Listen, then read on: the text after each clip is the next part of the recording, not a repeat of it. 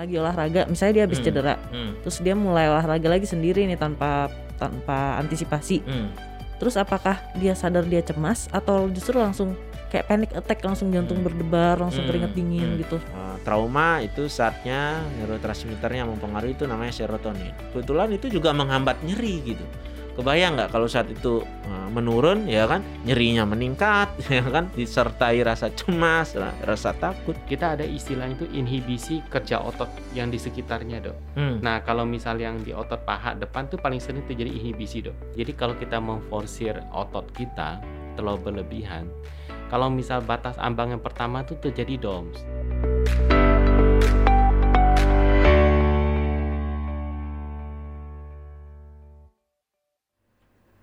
Halo sahabat SMC semua, selamat datang di live Instagram Ngobrol Sehat Klinik SMC episode 14.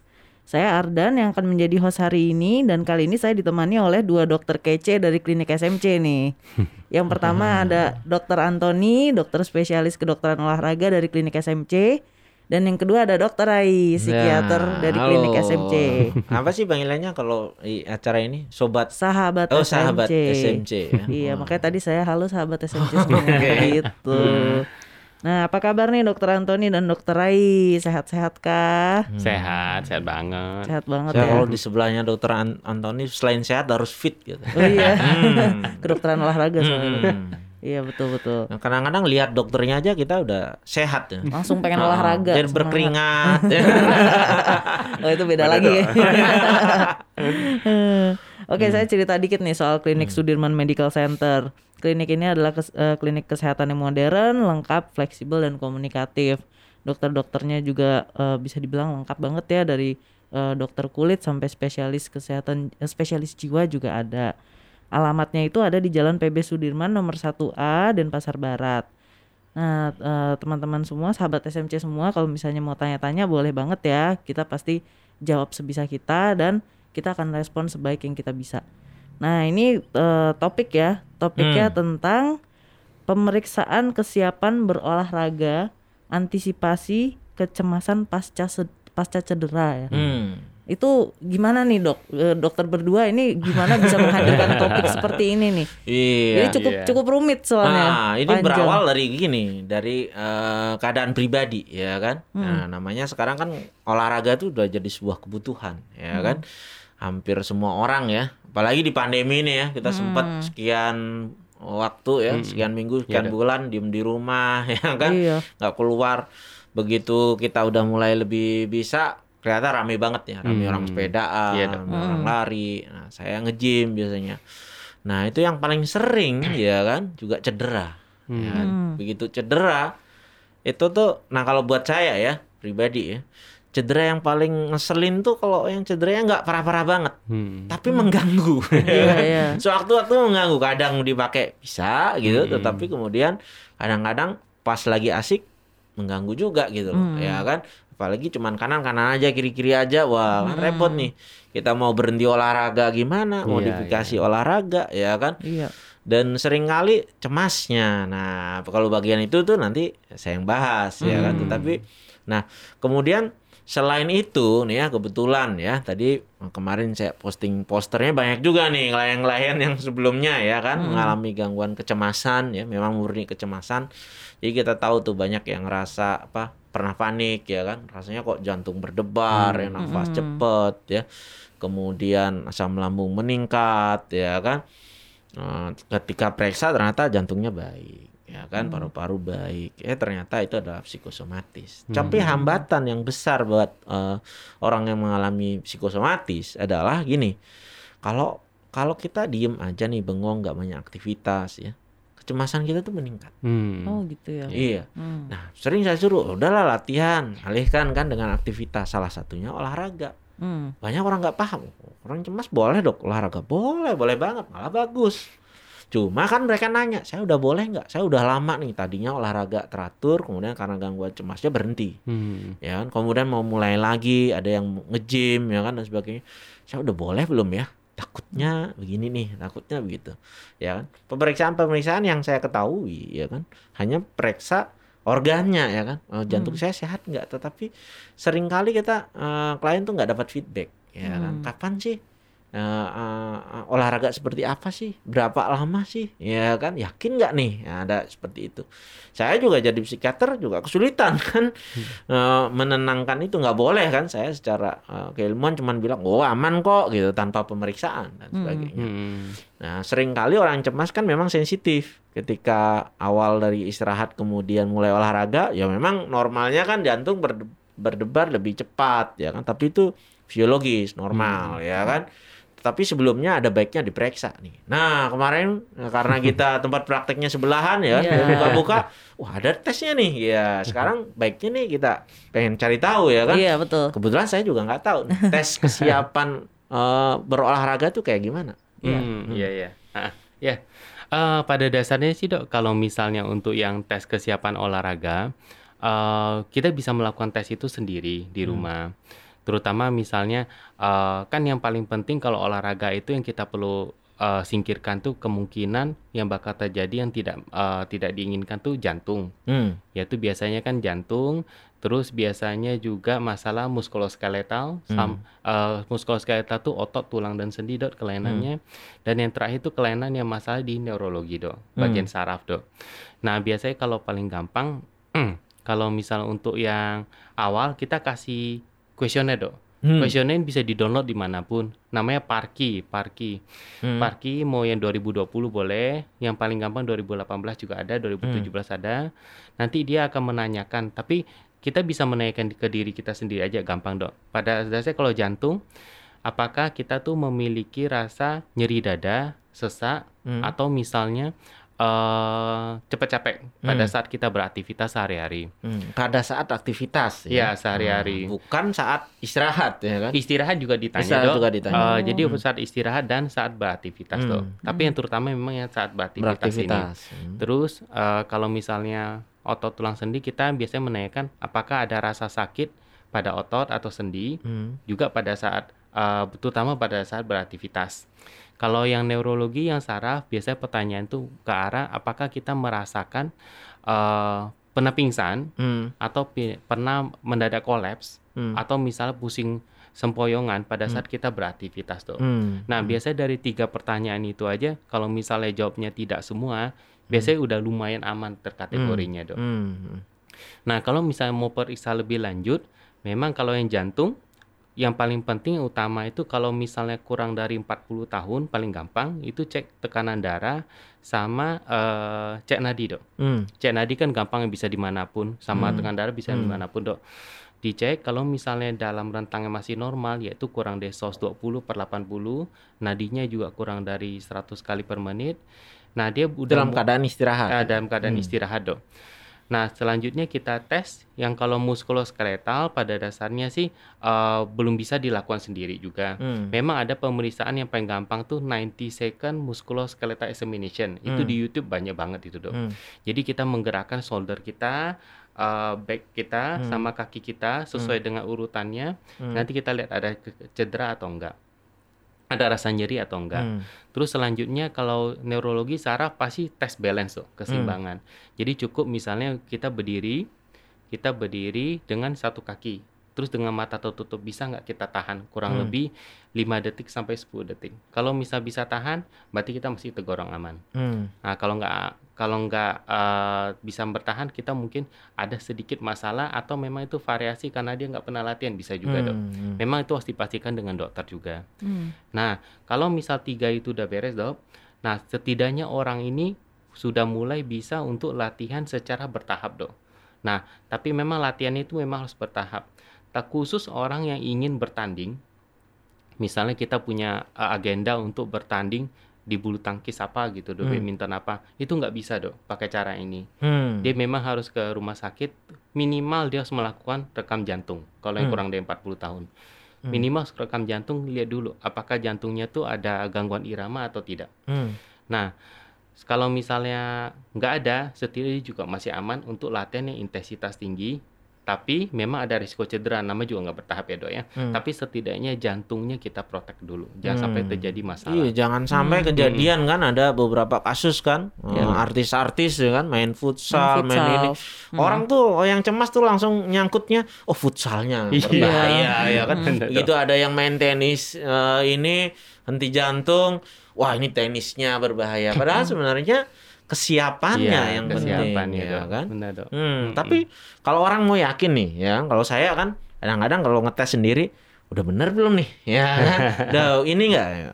Kan rasanya penting ya untuk Iya, iya, pemantauan iya, itu ya. Mm-mm. Tapi bisa di arrange nggak itu pemeriksaan itu kemudian oh nih perlunya periksa begini ya kan? Mm-mm. Karena gini, orang yang mengalami gangguan cemas itu memang antisipasi, ya kan? Antisipasi harus sudah data- ada data real kan? Iya, Wah, dokter nih. Oh, kalau udah kelihatan nih, oke, ini aman nih buat misalnya jogging, ini aman buat sepedaan sekian lama, ya kan? Iya.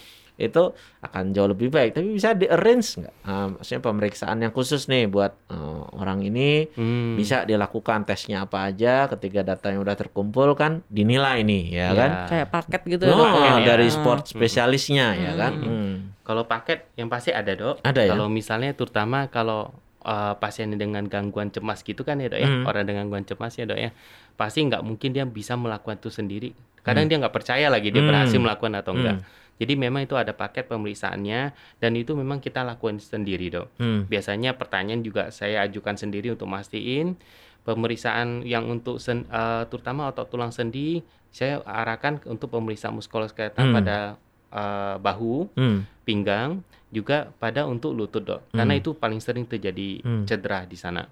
Nah selanjutnya memang kalau masalah jantung eh, kita memang lebih ke arah melakukan pemeriksaan rekam jantung dok. Hmm. Tapi kalau misalnya lebih dari 40 tahun, tetap sih saya sarankan selain pemeriksaan rekam jantung pada saat istirahat, saya juga sarankan untuk pemeriksaan jantung pada saat kita melakukan treadmill test Dok, Hmm. saat dia berlari. Jadi treadmill ya. Mm-mm. Jelas Jadi- kalau treadmill aman, aman, aman gitu ya. ya. Hmm. Biasanya pada pasien yang untuk gangguan cemas psikosomatis itu Hmm. sangat diperlukan dok. Hmm, hmm, Biar hmm. yakin dok. Ya ada ada data ya Iya, kan, ada, datanya, datanya Dok. nih ya kan. dokter.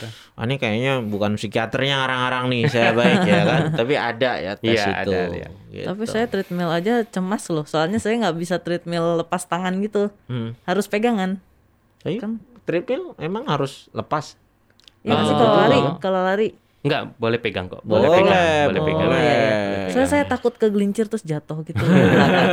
Kayak di iklan-iklan. Nah, itu ya kan. Nah, mungkin dari situ juga ada rekomen kan olahraga-olahraga yang bisa dilakukan. Iya, pasti gitu. dok. Mm-mm. Maksudnya ada juga orang cedera terus ya harus modifikasi ya Iya. kan. Iya, pasti, dok. Hmm. Tapi itu personal kali ya. Hmm. Beda-beda kasus soalnya ya. Iya, tergantung kasus Oh. sih. Hmm. Memang kalau untuk dia olahraga terutama pada orang misalnya yang punya spesifik dia ingin olahraga tertentu misal basket gitu ya, Hmm. Ya. Kita memang juga perlu mengecek kualitas geraknya. Hmm. Biasanya eh, ada rentetan dari pemeriksaannya misalnya kalau dari pinggang dia eh, kita suruh mengangkat beban tertentu dok, Hmm. misal 2 sampai 4 kilo. Kita lihat gerakannya, terus alignment dari pinggangnya, Hmm. eh sorry, eh, tulang belakangnya dok, itu bungkuknya gimana? Hmm. Atau misalnya dia malahan terlalu nggak bungkuk, dia terlalu lurus dok. Hmm. Nah itu juga nggak baik, itu resiko untuk low back pain atau nyeri pinggang. Nah juga kalau untuk kaki paling gampang, eh sorry, untuk lutut paling gampang kita dia half squat dok. Hmm. Half squat satu kaki tapi ya dok ya. Half squat tuh kayak gimana ya? Half squat itu jadi satu, eh, biasa kita kasih satu eh, kursi pendek, Hmm. terus kita suruh dia berdiri satu kaki dok, di satu kaki terus kita suruh dia agak sedikit jongkok dok. Hmm. Gerakan jongkok. Nah nanti saya melihat dok nanti gerakan ini dari jangan pistol lututnya. squat ya, bukan? Hah? Nggak Iya, bisa ya. Mirip pistol squat ya. Hmm. Mirip Oh. mirip mirip. Mirip Mirip itu ya? pistol kok. Cuman Oh, pistol kok nggak bisa itu. Cuma ini sedikit aja dok. half Oh, squat. oke. Karena half kan ya dok ya. Hmm. Jadi setengah aja dok. Hmm. Jadi kita nanti saya lihat sebentar aja. eh, apakah dia ada eh, tulang belak eh sorry tubuh bagian atasnya tuh ada sway atau Hmm. enggak. Hmm. Kalau ada sway mungkin dia core-nya itu dia masih lemah. Hmm. Atau misalnya kita lihat gerakan lututnya dia lurus nggak? Kalau Hmm. ternyata dia ada rotasi atau dia bergerak ke dalam, Hmm. berarti mungkin ada kelemahan hipnya dok. Itu juga perlu kita Hmm, kuatir. Itu mengantisipasi cedera ya, berarti untuk sebenarnya. mengantisipasi cedera dok. Hmm. Hmm, hmm, hmm, hmm, hmm. Menarik kan? Iya, menarik.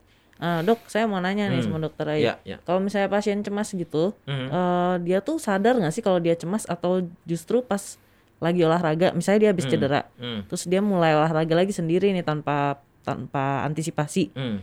Terus apakah dia sadar dia cemas atau justru langsung kayak panic attack, langsung jantung berdebar, langsung keringat Hmm. dingin Hmm. gitu? Gini gini, yang paling sering ya terjadi ya, bukan saat olahraganya. Sebelumnya? Iya, jadi kalau olahraga nggak ngerasa nih ya kan. Hmm. Jadi nggak pernah nih ada masalah sebelumnya ketika berolahraga Hmm. justru lebih baik daripada sebelumnya. Nah, begitu selesai ya kan. Oh. Begitu kita minum, baru tuh muncul nggak nyaman, nggak Oh, enak. begitu. Terus ingat, oh iya ya. Nah, muncul seperti sensasi begitu, ya kan, harusnya kan kita udah menurun kan, begitu kita pendinginan, ngobrol-ngobrol.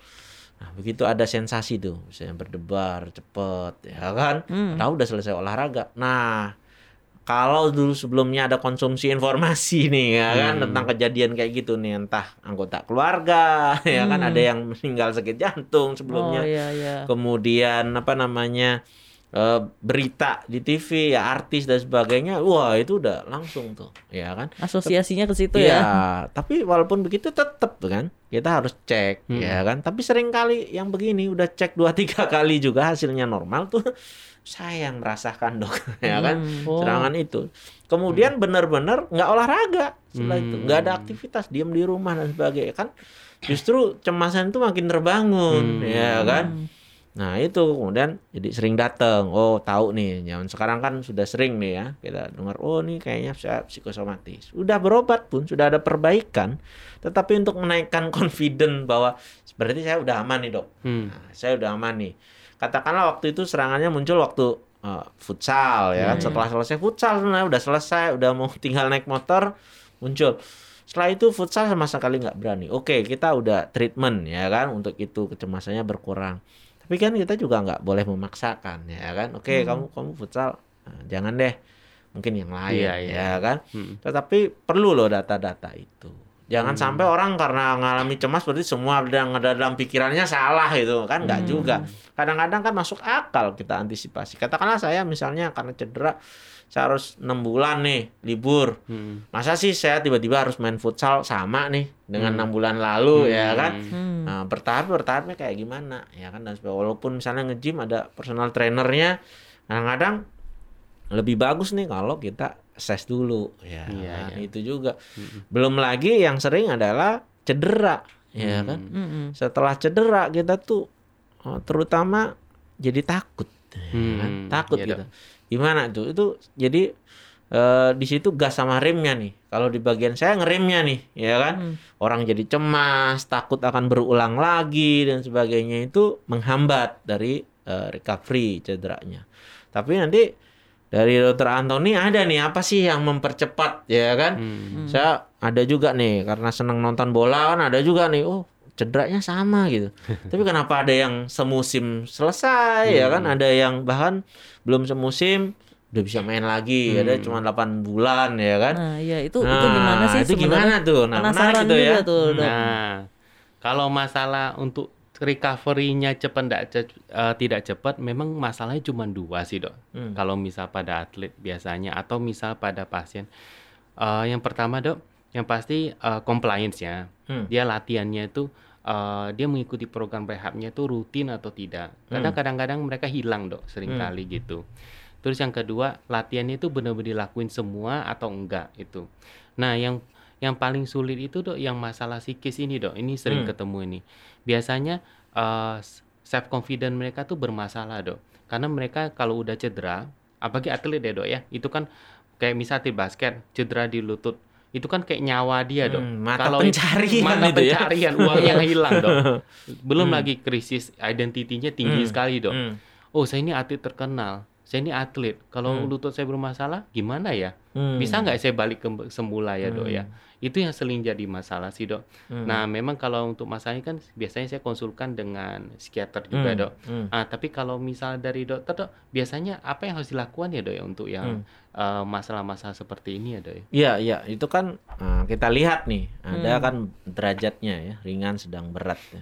Kadang-kadang ada yang sudah sampai trauma ya kan apa yang bisa dibilang PTSD. Apalagi kalau itu berulang. Hmm. ya kan pernah dua kali di tempat yang sama lagi ya kan selalu pertanyaan muncul nih apa sih penyebabnya apa sih penyebabnya seakan-akan itu harus ketemu gitu kan Hmm. kadang-kadang ya kita cari bisa macam-macam Iya. tidak mungkin ada satu jawaban saja nah kalau itu trauma hitungannya PTSD ada tiga gejala ya kan ada re-experiencing ya sering ngebayangin nih baik di tidur ya berupa mimpi buruk atau saat kita bengong begini kebayang gitu Oh. kejadian itu ya kan kemudian nomor dua eh, itu adalah ada avoidance jadi menghindari nih hal-hal Hmm. yang ya kebayang nggak kalau pemain bola atau pemain basket cedera terus oh, setiap kali lihat lapangan basket nggak nyaman Hmm. nggak enak ya kan Hmm. nonton aja enggak dan sebagainya Hmm. ya kan kemudian kalau tidak bisa dihindari hal-hal yang men-trigger itu nggak bisa dihindari muncul hyperarousal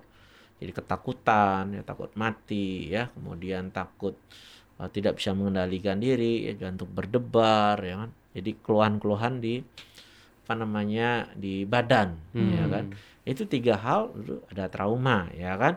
Jadi sebenarnya oke cederanya ada ya kan. Hmm. tetapi kelihatannya sinyal dari otaknya ya yang mem- ya, kita harus ingat nyeri itu kan apa namanya sensasi subjektif Hmm. ya kan cederanya sama kadang ada yang nyerinya dirasakan luar biasa ya Iya, kan iya. ada yang enggak ya kan nah itu karena dipengaruhi juga ya kan Hmm. ada kebetulan untuk eh, trauma itu saatnya neurotransmitternya mempengaruhi itu namanya serotonin kebetulan Hmm. itu juga menghambat nyeri gitu Hmm. Kebayang nggak kalau saat itu uh, menurun ya kan nyerinya meningkat ya kan disertai rasa cemas, Hmm. rasa takut.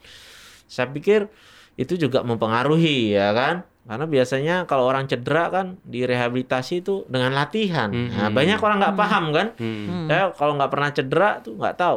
Begitu pernah cedera, oh malah disuruh latihan Iya ya kan. dong. Kita kan berpikirin masyarakat umum kalau cedera udah istirahat ya kan, Iya, iya. full gitu kan. Hmm. Nah, ternyata rehabilitasi itu gitu ya Iya. ada tahap-tahapnya latihan. Lalu latihan nah kalau kita takut dikit-dikit latihannya nggak mau ya kan Hmm. biasanya sulit itu dilakukan. Jadi ada treatmentnya. Jadi kalau memang sudah mengarah ke PTSD itu ya serotoninnya terperbaiki bisa dengan obat-obatan. Tapi bukan obat-obat penenang bukan obat tidur. Jadi memang langsung memperbaiki serotonin tadi. Hmm. atau misalnya non farmakologis atau non obat itu bisa dengan hipnoterapi ya kan? Hmm. kita ajak tuh kembali ke situasi itu kemudian kita rasakan kembali kita bingkai ulang ya kan kejadian Hmm. itu bahwa oke itu nggak ada yang bisa kita lakukan nih bisa kita lakukan adalah eh, apa apa yang kemudian ya kan bisa kita proyeksikan ya kan oh ini bisa baik loh kamu bisa ini dan sebagainya dia mau mencoba ternyata ketika latihan sedikit-sedikit itu sudah bisa dilakukan biasanya confident ya Hmm. kan Hmm. nah kecemasan ini penting untuk mengatasi awalnya saja untuk Hmm. mau mencoba kalau Hmm. mencoba aja susah gimana gitu kan Hmm. supaya ada ya kan biasanya ada menu ya Hmm. dari eh, spesialis olahraganya ya kan? Apa nih yang Hmm. perlu dilakukan ya Iya, kan? iya. seminggu dua minggu. Saya tahu nih karena apa? Sen saya ada satu bule itu dia malah mau ya. Oh saya tolong dong eh, di ini kan sport spesialis. Wah. Hmm. Oh. wah saya bilang oh di klinik saya ada nih. Hmm. ya kan? Malah memang kenapa harus di situ? Ya kan? Begini dia bilang. Saya mau mau tahu nih ya kan karena priceless buat orang kan ngejar waktu Iya, ngejar iya. ini Hmm. gimana supaya kita sehat kebayang kita nggak olahraga seminggu aja udah lain Hmm. rasanya nah Iya, kalau iya. cedera kemudian salah nangani lama kayaknya bakal mengganggu kegiatan banget Hmm. gitu Iya Gitu sih. benar. Hmm. Studi kasus kali ya. Misalnya kalau ada cedera lutut deh, cedera Hmm. lutut mungkin paling banyak ya kalau misalnya Hmm. habis squat kali ke squatnya salah. Itu eh, penanganannya gimana dok? Jadi kayak pelatihannya, eh, apa latihannya setelah cedera itu kan kita harus tetap latihan kan Hmm. daripada diem aja. Hmm. Nah itu latihannya menunya tuh gimana dok? Iya kadang-kadang kan Oh. kita nyari-nyari sendiri ya Iya. gitu. Padahal kita apa diagnosis diagnosis sendiri ini kayak ototnya, ini kayaknya Iya. sarafnya ya kan. Pokoknya nggak enak aja nyeri rasanya. bisa dibeli ya kan, tetapi ya kalau ininya nggak diperbaiki ya gimana biasanya nih? Anggap nih kalau kita cedera ya, Hmm. apa sih yang perlu dilakukan dulu nih gitu? Pada dasarnya sih kalau pas cedera, Hmm. eh, kalau misal dalam dua hari pertama, boleh kita kompres, kompres dingin ya, jangan kompres hangat ya, udah pasti ya. Hmm. Kompres dingin, Dingin. kurang lebih ya eh, tiap 3 sampai eh 3 sampai 4 jam. Nah, jadi kurang lebih bisa sampai 4 sampai 6 kali sehari. Terus eh, sekali kompres itu jangan lebih dari 20 menit, cukup 20 menit aja. Hmm. Nah, sisanya kalau misalnya Jadi cederanya nggak boleh lama-lama ya. Jangan lama-lama. 20 menit Hmm. aja ya. Kalau lebih dari itu malahan bengkaknya tambah dia, Dok. Oh. Gitu ya. Iya, kebalikan dia. Terus Iya. eh, kalau misal memungkinkan juga kalau misalkan cedera kaki nih, ya kita harus sedikit mengangkat kaki kita pada saat kita tidur. Misalnya kita selipin bantal atau Jadi semacamnya. lebih tinggi. Ya, sedikit Hmm. lebih tinggi. Kalau misalnya eh, terlalu nyeri ya memang kita perlu obat-obatan, tapi biasanya sih nggak sampai segitunya ya. Hmm. Nah, kalau latihan yang paling gampang bisa dilakukan itu eh kita kontraksikan otot kita, Dok. Hmm. Tapi tanpa melakukan gerakan. Jadi kita ngomong itu latihan isometrik, Dok. Jadi misal kita cedera lutut nih, Hmm. awal-awal kan nggak bisa jalan nih. Kita cukup tegangkan aja otot yang di paha bagian depan kita. Kan oh kita bisa ditegangkan, ditegangkan dikontraksiin aja. Tapi diem ya. Diam. Ah. ah. Ini Kita lagi kon- nyoba nih. Ngunci, ngunci Iya, ceritanya. lagi nyoba. Hmm. Terus? Jadi kita kontraksikan selama kurang lebih 5 detik. Hmm. Nanti kita istirahat selama 10 detik. Kita Hmm. ulangi sebanyak 10 kali. Oh, Nah, nanti oke. kita ulangi se- eh, sehari tiga kali, Dok. Hmm. Nah, itu tuh Kalau itu bisa dan nggak sakit, kalau itu bisa nggak sakit itu membantu banget, Dok. Soalnya Hmm. itu bisa memompa eh, eh, kontraksi otot tuh memompa bengkak-bengkak itu ke- eh, hilang. Jadi mengurangi nyeri dia, Dok. Hmm. Terus yang kedua, yang jadi masalah itu kalau misalnya kita cedera misal di lutut, kita ada istilahnya itu inhibisi kerja otot yang di sekitarnya, Dok. Hmm. Nah, kalau misal yang di otot paha depan tuh paling sering terjadi inhibisi, Dok. Jadi kalau misalnya artinya eh, kerjanya itu tidak bagus, nggak bisa ah, maksimal dia, Dok. terhambat Terhambat gitu. dia, Dok. hmm. Jadi eh, kalau kita kontraksikan itu supaya inhibisi atau hambatan itu hilang dalam otak kita, Dok, responnya. Hmm. Terus yang terakhir ya supaya tidak terjadi atrofi atau masa ototnya mengecil. Hmm. Nah, itu yang jadi masalah, Dok. Nah, biasanya kalau misalnya lakukan kurang lebih 2 sampai 3 hari, kalau misal membaik, kita bisa melakukan yang lebih sederhana lagi, misalnya yang paling gampang kita lakukan eh, duduk, tapi kita eh, pertama lututnya ditekuk kayak kita posisi duduk, terus kita luruskan, kita Hmm. balik lagi, Dok. Hmm. Kalau misalnya- gerakan sederhana. Sederhana. Hmm. Kalau misalnya ada resisten band atau Hmm. mini band itu membantu banget, Dok. Tinggal dikaitkan, kita tinggal menambah bebannya. Hmm. Kalau udah kurang lebih nggak sakit, kita bisa pakai half squat. Eh Hmm. sorry, wall squat dong. Hmm. Wall squat, jadi kita di dinding, nempel dinding ya. dinding. Mm-mm. Hmm. Kita tahan kurang lebih, ya kurang lebih tiap orang beda-beda Hmm. diukur, tapi biasanya 10 sampai 20 detik 3 set. Hmm. Nah kalau misal makin membaik makin membaik ya bisa kita tambahin squat, Hmm. tapi misalnya tanpa beban dulu, atau squatnya turunnya setengah dulu, Hmm. atau kalau kalau misal lebih bagus lagi bisa squat, bisa lunges, udah dia bisa bisa balik dong Hmm. gitu. Hmm. Ya itu per- perlu didampingi kayaknya ya. Iya. Kalau enggak Iya. eh, ngapain ya kan? Mm-mm. Nge-gym yang- aja kalau nggak ada yang dampingi kayaknya nggak ngerti ya kan apalagi kalau lagi cedera. Iya. Tapi memang yang jadi masalah dok, Hmm. kalau misal cedera itu biasa batas ambang nyerinya dok. Hmm. Tiap, eh, pada pasien tuh sering dibilang lebay ya, kita sering Hmm. ngomongin lebay. Tapi sebenarnya pada pasien tuh sering terjadi dok. Hmm. Jadi kalau misal dibilang nyerinya skornya 6, Hmm. tapi kalau dari ekspresinya kayak dia santai-santai aja dok. Hmm. Kalau misal seperti itu ada hubungan dengan gangguan cemasnya atau Iya, gimana ya dok? ya? artinya gini, nyeri itu kan eh, pengalaman subjektif ya Hmm. kan. Tergantung juga memorinya dia. Kadang kan orang ada orang nanya, kenapa sih itu para tentara atau apa orang bela diri gitu ya. Sering kan ditendang, jatuh dan sebagainya, kok nggak rasa apa-apa gitu. Kebal Hmm, ya. benar-benar. Padahal sebenarnya dia latihan ya kan, latihan bertahun-tahun. Hmm. Dilakukan seperti itu ambang nyerinya berkurang Hmm. ya kan. Nah, ketika orang misalnya nggak pernah merasakan itu, ya kan, kemudian rasa nyeri wah, luar biasa, ya kan. Ya tergantung pengalaman hidupnya juga, Hmm. ya kan, Hmm. terekam di otak kita, ya kan. Hmm. Itu juga penting nih, ya kan. Nah, ini menarik nih, wah, dokter Roka negara tuh nanya tuh. Oh iya, dokter Oke. Biasanya rutin sepak bola ringan, terus mendengar kabar Ricky Yakobi dan tadi Maradona meninggal, jadi cemas. Hmm. Merasa apa yang dilakukan saat ini bisa berisiko sama berisiko sama walau tidak pernah cedera gimana? Nah, iya kita ketinggalan isu nih. Iya. iya, Ricky Yakobi nggak tahu ya. Nggak. Wah, itu legendaris sepak bola tahu. Indonesia, ya Oh, kan? Iya, iya. Itu Ricky Yakob, ya kan? Sama eh, Maradona. Wah, mas siapa yang nggak kenal Maradona? Iya. Ya kan? Meninggal, kan? Nggak olahraga, ya kan? Karena Itu- jantung ya itu- kalau nggak salah ya. itu akhirnya mau nggak mau saya juga berpikir loh. Hmm. Saya kan dulu olahraga nih, ya boleh dibilang olahragawan lah, tingkat apalah kampus dan sebagainya. Tapi begitu kita olahraga apa, begitu sibuk, ya kan, tiba-tiba eh, makannya tetap sama, ya kan, aktivitasnya berubah, Iya. tambah begadang lagi, ya kan, tiba-tiba membengkak kan berat badan tuh sampai 20-an kilo. Begitu kita olahraga lagi ya, perasaan kita tuh sama gitu kayak dulu mainnya kencengnya itu perasaan masih sama padahal tubuh itu sudah beda ya kan Beda, beda. gitu nah itu gimana baiknya kita tuh kayak begitu tuh perlu ya tes dulu ya Oh itu Kesiapan harus itu ya? dok, harus dites dulu. harus dok. ya Ha-ha. Hmm. Memang harus dites dulu dok. Kalau misal di atas 40 kematian jantung mendadak pada olahraga tuh cuma satu dok. Penyakit jantung koroner pada dasarnya dok. Hmm. Jadi kalau misalnya eh, terutama pada orang-orang tertentu yang mendadak mau olahraga, apalagi mau tanding atau main Hmm.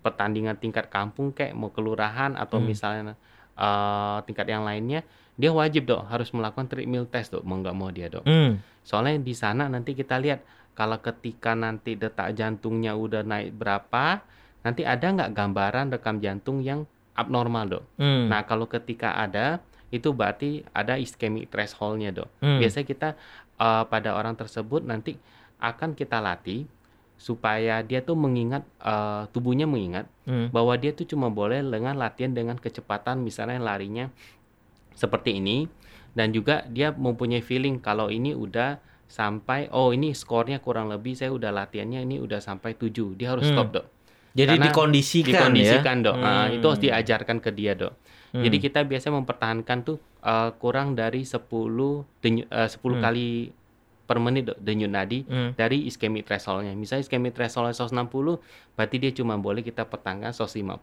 dok Hmm. dan itu harus Hmm. dilatih supaya dia mengingat dok oh segini saya cuma boleh latihan Hmm. untuk mencegah itu dok Itu jadi perlu periksa nih Iya. apalagi yang tiba-tiba oh saya mau diet ah gitu kan berat badan ini oh Kok nunjuknya katanya ke saya? Iya. Masa nunjuknya gini kan di situ. Eh, saya pengen dong. Nah, kemudian tahu nih teman, oh yang bikin ini adalah naik sepeda. Nah, yang begini nih jogging ya kan begitu teman lihat Insta story, oh 10k gitu kan pengen juga langsung padahal kita ujuk-ujuk nggak tahu. Iya. Apalagi yang dulunya olahragawan terus berhenti.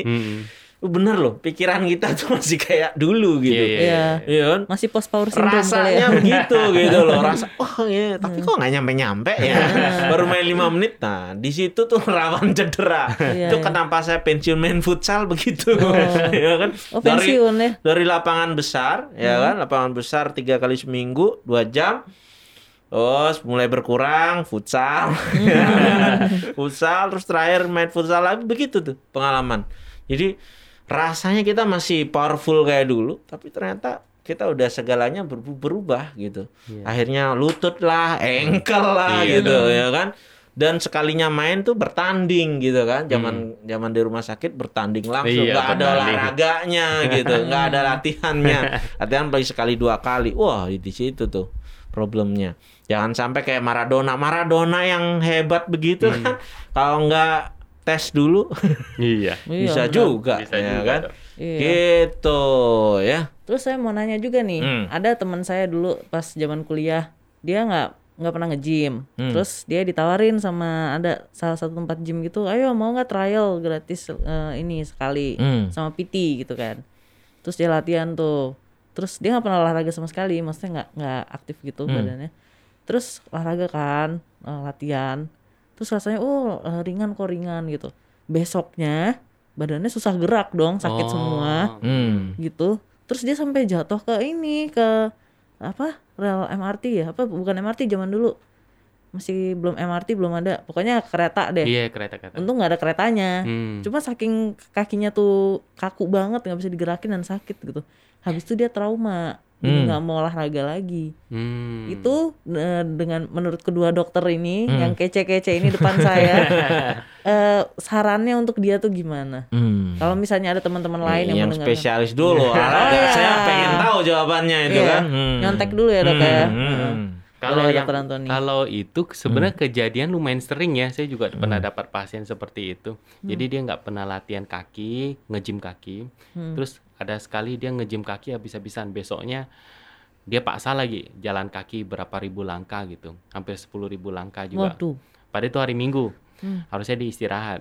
Seninnya jalannya juga gitu. Jalannya agak sedikit-sedikit ngangkang dia. Hmm. Nah itu juga sakit sekali dia. Hmm. Itu sebenarnya kejadian nih gini. Jadi kalau kita memforsir otot kita terlalu berlebihan, kalau misal batas ambang yang pertama itu terjadi DOMS. DOMS itu delay onset muscle soreness. Jadi sesuai dengan istilahnya tuh, jadi terjadi eh, nyeri pada otot, tapi dia datangnya tuh 4 sampai 24 jam setelah olahraga berat biasanya. Hmm.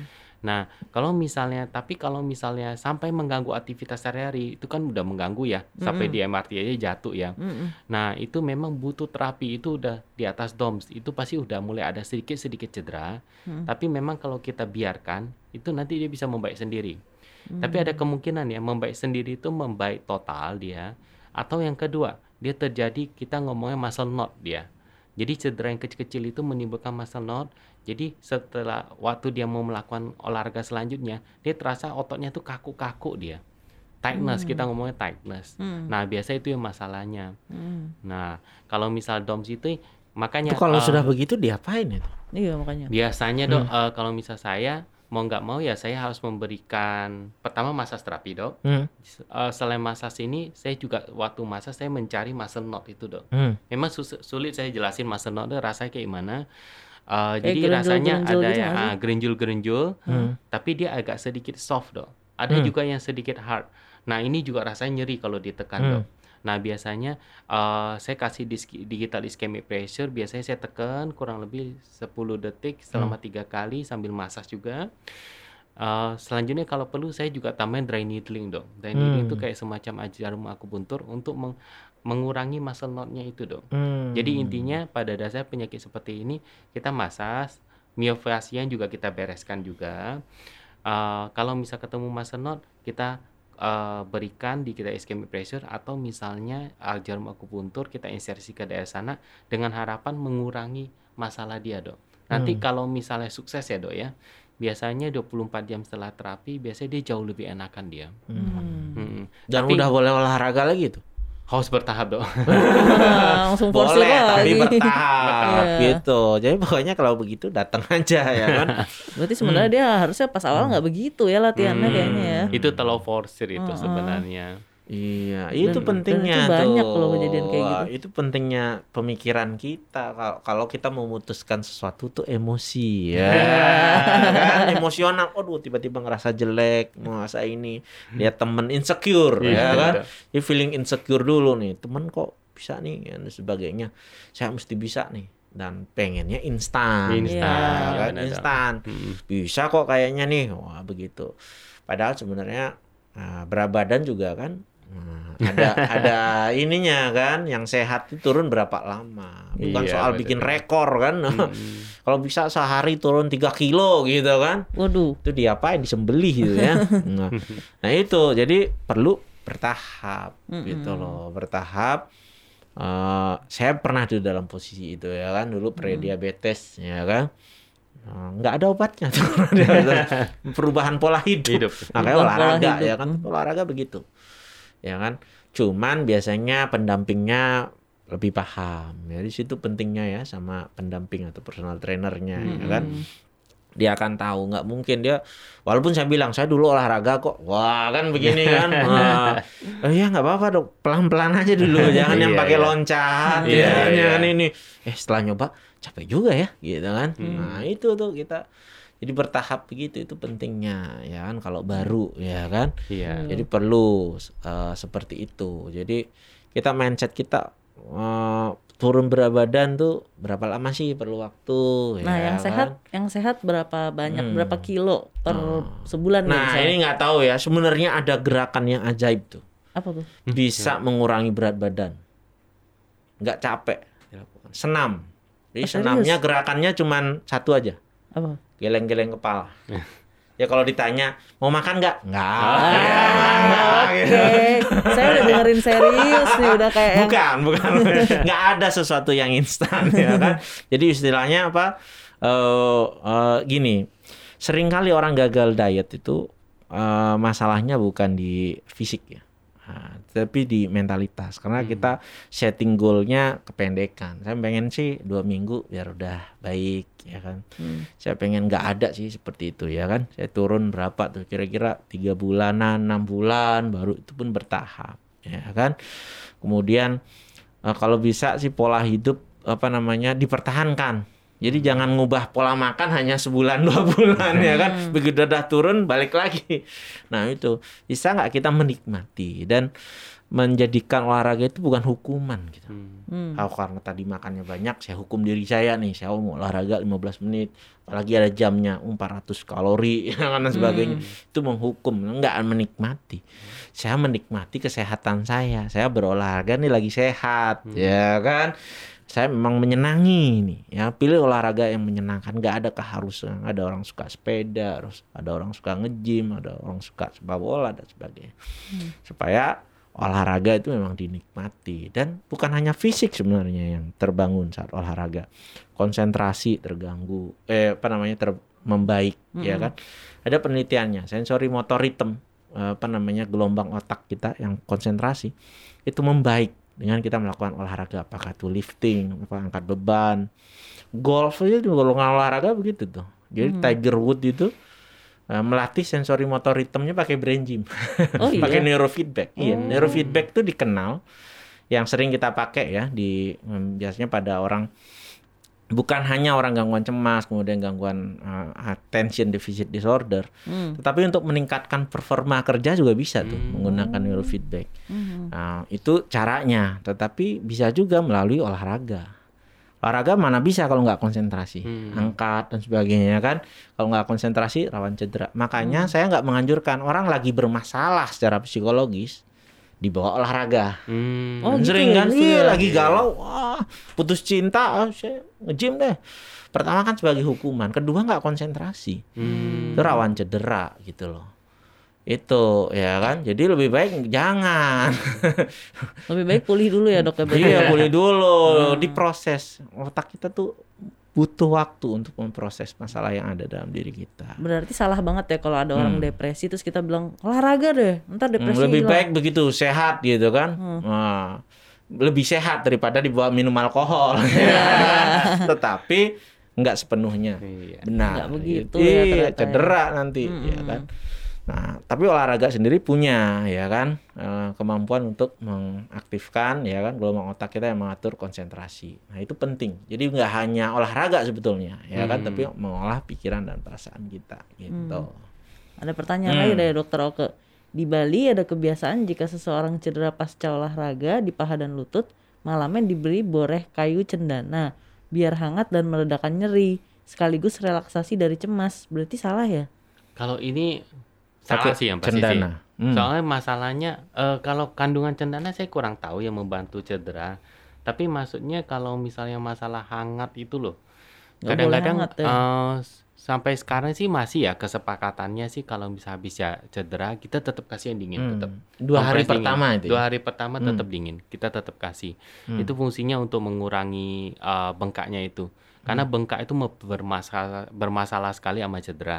Bengkak itu buat kita nggak bisa gerak, eh, eh, ruang gerak sendinya berkurang kan karena bengkak kan. Terus yang kedua juga dia merangsang eh, nociceptor nyeri. Jadi dia tambah nyeri dia. Itu jauh itu buat masalah. Hmm, malah Jadi orang kan kebalik kan makin sakit oh keluar nih sakitnya ya kan padahal enggak juga nggak ternyata ya. gitu, iya. Hmm. Jadi kalau misal masalah dua hari pertama tapi kalau setelah itu gimana Kalau setelah itu selama kalau misalnya nggak ada bengkak, nggak ada Hmm. apa-apa. Kalau misalnya nggak ada bengkak, nyerinya udah mulai Hmm. berkurang.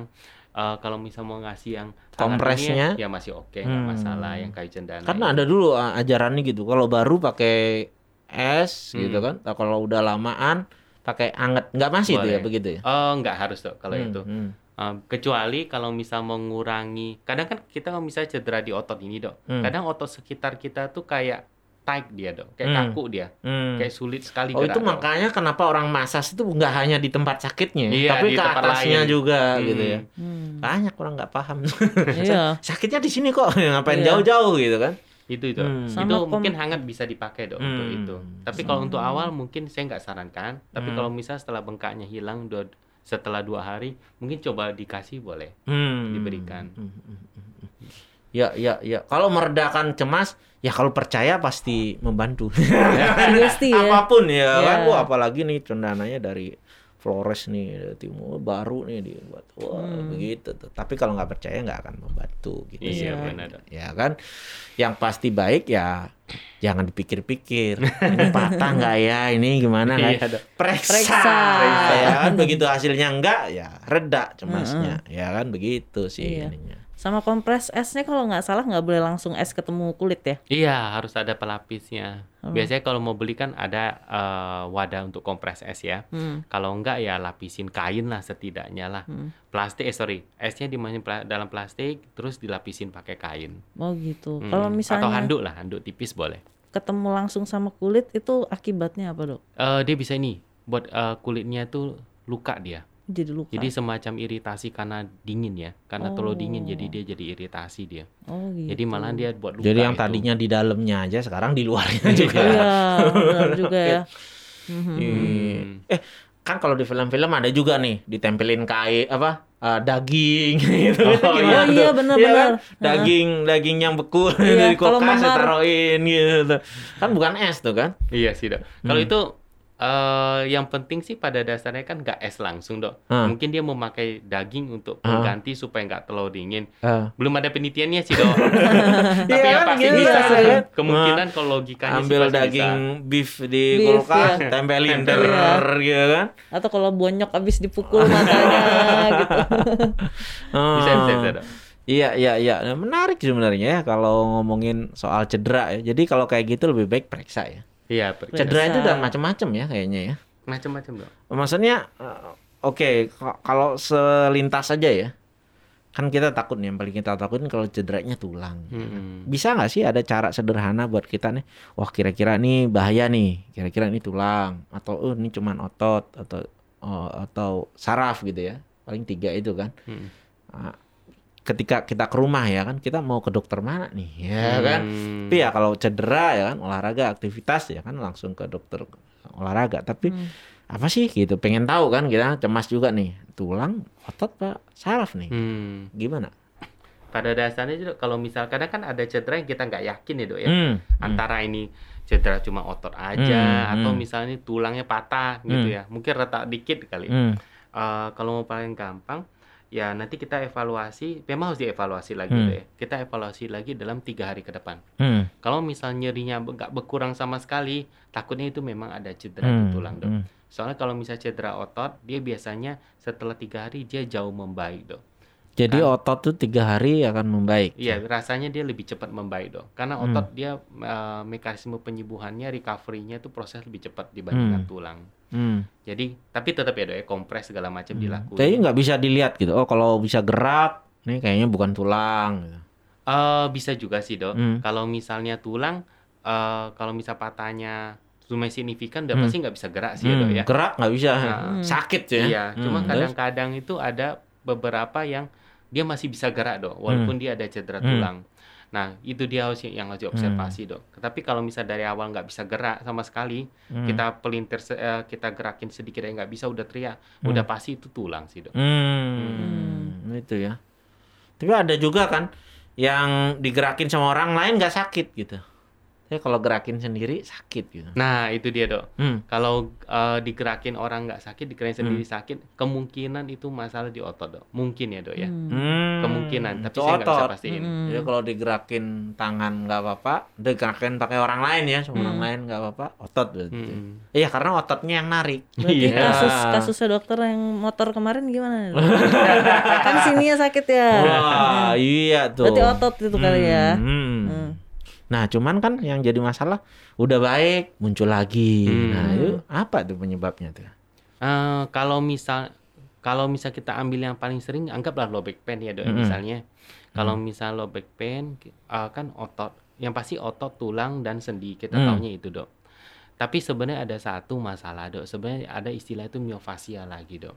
Hmm. Jadi otot tuh lumayan kompleks dok sebenarnya Hmm. dok. Jadi misal kita cedera otot, misalnya dok ya eh, di pinggang nih, kita cedera otot yang paling dekat sama tulang belakang tuh erector spinae misalnya, Hmm. cedera di sana.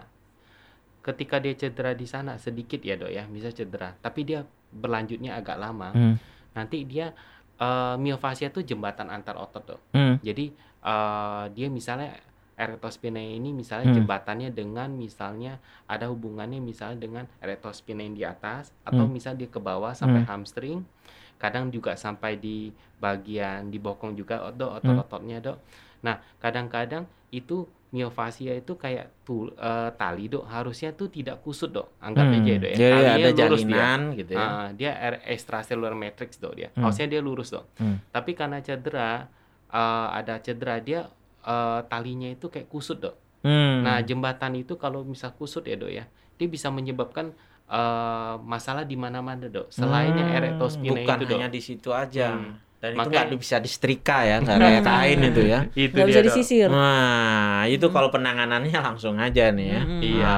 Nah, lagian di klinik SMC lengkap kan? Eh, boleh kan kita lagi ini kan Mm-mm. ada sport injury-nya yang Iya. biasanya kolaborasi juga kan sama fisioterapi, Iya, Iya, ada akupuntur. Nah, kalau ternyata udah baik semua tapi masih takut-takut juga, boleh juga Iya. ya. Saya sama dokter Yudi Iya, ya kan. betul. Gitu. Betul, iya betul. kan nanti kalau cemasnya jadi gangguan ereksi ada dokter Oke gitu lengkap pokoknya Ah, Lengkap, gitu sih ya kan Iya. Mm-mm. oke Gimana nih? Ya udah nih? nih kayaknya, Oke, kayaknya ya kan? cukup ya. Jadi memang sengaja kita tanggungin ya kan. Jadi kalau ada yang mau mau tanya-tanya lagi bisa langsung ya kan ke klin- akunnya klinik SMC Iya, ya kan. at klinik Oh, eh, atau dokter Antoni apa nih? SMC. Nah, ininya. Ada ya? Ada IG-nya. Ada ada. Ah, apa itu? apa tuh dok? Hah? Hmm. Oh, Akun Antoni IG-nya. Koko Wijaya. Hah? Antoni Antoni Koko. Koko Wijaya. Oh. Antoninya semua. pakai H ya? Antoni. Ah ya, A N T H O ya. N Y dok. Ah, itu saya sering loh lihat-lihat itu. Eh, terutama Bagus, yang paling bagus. favorit tuh gini, pemilihan sepatu. Wah, itu kayaknya orderan dari toko. Gara-gara itu saya, wah sepatunya salah nih. saya beli beli sepatu lagi gitu. Lihat aja dong. ya, gitu deh atau bisa langsung ya ke akun IG saya Iya, ya, IG benar. Stera Wiguna. Geser Ah. Wiguna ya oke siap Hmm. Oke, eh, dari dokter Oke nih. Terima kasih dokter Antoni, Hmm. dokter Rai dan Ardan. Sukses selalu, sukses selalu juga dok. Hmm. Siap. Oke deh kalau gitu terima kasih dokter Antoni dan dokter Rai ini udah menyempatkan Yap. datang sore Hmm. hari ini di acara ngobrol sehat klinik SMC episode 14. Kita udah episode 14 tuh ternyata. Iya, dan berikutnya kayaknya tandem-tandem gini Tandem-tandem ya kan. terus biar Wah. seru, makin seru. Jadi memang kesehatan itu sekarang di tangannya itu tim Iya. ya kan Iya. kayak gitu. Nanti Iya, siapa tahu ya kan ada siapa siapa ya kan begitu. Karena kan sebenarnya kita holistik ya harusnya ya, mengobati tuh. Iya, eh Benar-benar. itunya aja diobati yang lainnya. kan gitu. Benar benar benar. Nah, tentunya sahabat SMC udah mendapatkan banyak pengetahuan ya. Semoga dari acara ini kalau ada pertanyaan lagi bisa langsung ke klinik eh, underscore Hmm. SMC gitu. Bisa DM aja. Hmm. Kalau misalnya mau DM langsung ke Instagram dokter dokter kece ini juga boleh kok. Tadi udah disebutkan Instagramnya, silakan DM aja nanti dibales ya. Hmm. Harus dibales ya. ya kalau dilihat pasti dibalas ya. Masalah itu ya. Iya. Oke, simak terus Hmm. ngobrol sehat klinik SMC eh, setiap Kamis ya berarti ya. Hmm. Setiap Kamis jam 4 sore biasanya. Eh, nanti kita pasti akan sebarkan posternya eh, Hmm. dua hari sebelumnya Dengan tema-tema yang dengan berbeda. tema-tema ya yang kan? berbeda. Oke, terima kasih sahabat SMC. Sampai ketemu lagi. Dah, bye-bye.